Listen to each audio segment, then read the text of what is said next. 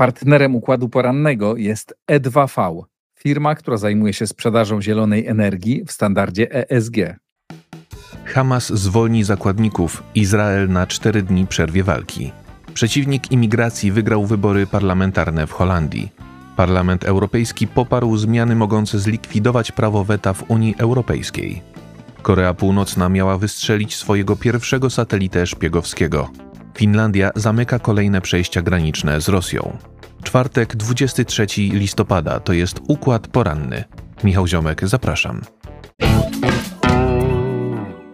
Izrael i palestyński Hamas porozumiały się w sprawie rozpoczęcia w czwartek czterodniowego rozejmu i zwolnienia 50 zakładników. Premier Izraela Benjamin Netanyahu mimo to zapowiada kontynuowanie ofensywy w strefie gazy aż do całkowitego zwycięstwa. Umowa wynegocjowana za pośrednictwem Kataru i przy wsparciu Stanów Zjednoczonych przewiduje uwolnienie przez Hamas 50 kobiet i dzieci, które są przetrzymywane w palestyńskiej enklawie od 7 października. Hamas twierdzi, że w zamian Izrael zgodził się nie tylko na czterodniowe zawieszenie broni, ale także na zwolnienie z więzień 150 Palestyńczyków i na przepuszczenie nawet kilkuset ciężarówek dziennie z pomocą humanitarną. Ponadto izraelskie lotnictwo przerwie naloty na południową część strefy gazy i ograniczy ataki na północy enklawy do 6 godzin dziennie. W czasie zawieszenia broni siły obronne Izraela nie będą mogły wprowadzić do gazy swoich pojazdów bojowych, ani też dokonać zatrzymań wśród Palestyńczyków. Władze w Tel Awiwie zapowiedziały, że za każdych uwolnionych 10 zakładników może przedłużać zawieszenie broni o kolejny dzień. Netanyahu ogłosił, że rozejm nie będzie oznaczał końca izraelskiej operacji wojskowej w strefie gazy. Wręcz przeciwnie, w tym czasie armia Izraela zamierza przygotować się do wznowienia wojny i będzie kontynuować zbieranie odpowiednich danych wywiadowczych. Premier Izraela podkreślił, że priorytetem dla jego gabinetu jest ocalenie życia zakładników, a nie zawsze jest to możliwe dzięki działaniom militarnym, chociaż zazwyczaj jego kraj uwalnia ich właśnie poprzez operacje wojskowe. Według Netanyahu zwycięstwo ma wysoką cenę, dlatego dotychczas w ofensywie w strefie gazy zginęło ponad 70 żołnierzy sił obronnych Izraela. W środę wieczorem izraelski Sąd Najwyższy oddalił skargę złożoną przez Stowarzyszenie Ofiar Terroru, które w swoim wniosku domagało się od rządu zapewnienia, że życiu wszystkich zakładników nie zagraża niebezpieczeństwo, a także krytykowało uwolnienie tylko części z nich jako niegodne z zasadą równości.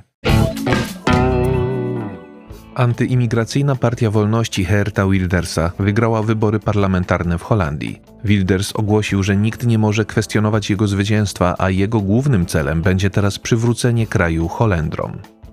Ugrupowanie znane z krytyki imigracji i islamu dopiero w ostatnich sondażach przed wyborami wysunęło się na prowadzenie. Według wstępnych wyników Partia Wolności będzie miała 35 mandatów w liczącym 150 miejsc holenderskim parlamencie. To o 18 posłów więcej niż w minionej kadencji. Wilders komentując wstępne wyniki wyborów ogłosił, że jest gotowy utworzyć nowy rząd, bo jego rezultatu nie może zignorować już żadna z konkurencyjnych partii. W negocjacjach na temat nowej koalicji zamierza więc kierować się zapisami konstytucji oraz rozsądkiem. Do jego priorytetowych postulatów mają zaliczać się powstrzymanie masowej imigracji i zwiększenie dochodów zwykłych Holendrów. Drugi wynik uzyskała koalicja lewicy kierowana przez byłego wiceprzewodniczącego Komisji Europejskiej Fransa Timmermansa, która uzyskała 25 mandatów. Tuż za nią z 24 mandatami uplasowała się liberalna Partia Ludowa na rzecz wolności i demokracji ustępującego premiera Marka Rutte. Czwarty wynik przypadł niedawnej rewelacji sondaży, czyli chadeckiej nowej umowie społecznej, która wprowadziła do parlamentu 20 posłów. Łącznie w Izbie Niższej holenderskiego parlamentu reprezentowanych będzie 16 partii i koalicji wyborczych. Rywale Wildersa, komentując wyniki wyborów, byli zszokowani tak dobrym wynikiem Partii Wolności. Według lewicy największą siłą polityczną Holandii zostało ugrupowanie wykluczające ze społeczeństwa sporą część jego członków, a zdaniem rządzących dotychczas liberałów, Holendrzy nie zostali wystarczająco wysłuchani przez polityków czołowych partii. Parlament Europejski poparł sprawozdanie swojej komisji na temat zmiany traktatów o Unii Europejskiej. Tym samym europosłowie opowiedzieli się za likwidacją prawa weta państw członkowskich i za przekazaniem części ich kompetencji w ręce Komisji Europejskiej. Europarlament niewielką większością głosów przyjął raport przygotowany przez Komisję Spraw Konstytucyjnych. Poparło go 291 europosłów, przeciwko było 274, a 44 wstrzymało się od głosu. Komisja w swoim dokumencie rekomenduje zlikwidowanie zasad jednomyślności w 65 obszarach w głosowaniach na forum Rady Unii Europejskiej, a także przeniesienie części kompetencji z poziomu państw członkowskich na szczebel Komisji Europejskiej. Tym samym powstałyby dwie nowe kompetencje wyłączne Unii Europejskiej, dotyczące spraw związanych z ochroną środowiska i bioróżnorodności. Poza tym Bruksela miałaby więcej do powiedzenia między innymi w kwestiach związanych z polityką zagraniczną, bezpieczeństwem, ochroną granic, edukacją czy polityką przemysłową. Parlament Europejski nie ma decydującego głosu w sprawie zmian traktatów o Unii Europejskiej. Musieliby je jednomyślnie poprzeć szefowie rządów państw członkowskich, a następnie reforma powinna zostać ratyfikowana przez kraje należące do wspólnoty europejskiej. Korea Północna twierdzi, że udało jej się umieścić na orbicie swojego pierwszego satelitę szpiegowskiego. Korea Południowa zarzuciła swojemu sąsiadowi naruszenie rezolucji Rady Bezpieczeństwa Organizacji Narodów Zjednoczonych i częściowo zawiesiła wiążące obie strony porozumienia. Rakieta nośna Holima 1 wniosła satelitę szpiegowskiego Maligiong 1 na orbitę w ciągu 12 minut. Została ona wystrzelona zaledwie godzinę po poinformowaniu Japonii o podobnych planach. Zdaniem ekspertów Korea Północna dzięki temu znacznie zwiększyła swoje zdolności militarne, bo satelita szpiegowski pozwala na dokładniejsze śledzenie ruchów wykonywanych przez jej przeciwników. Władze Korei Północnej przyznają wprost, że chcą w ten sposób chronić się przed zagrożeniem ze strony Korei Południowej i Stanów Zjednoczonych.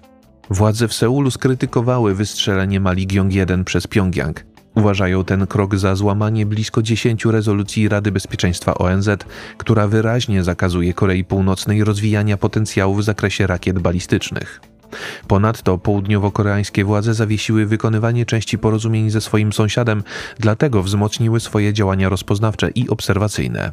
Pjongjang wcześniej zaliczył dwie nieudane próby wniesienia satelity szpiegowskiego na orbitę. Pierwsza zakończyła się niepowodzeniem w maju, z kolei druga w sierpniu. W obu przypadkach na przeszkodzie stanęły awarie systemów. We wrześniu północno-koreański przywódca Kim Jong-un spotkał się z rosyjskim prezydentem Władimirem Putinem, a jednym z tematów ich rozmów była współpraca między innymi w dziedzinach związanych z budową satelitów. Finlandia zdecydowała się na zamknięcie swoich kolejnych przejść granicznych z Rosją. W ubiegłym tygodniu Finlandia odnotowała wyraźny wzrost liczby osób ubiegających się o azyl, które mają być nakierowywane na granicę przez rosyjskie służby.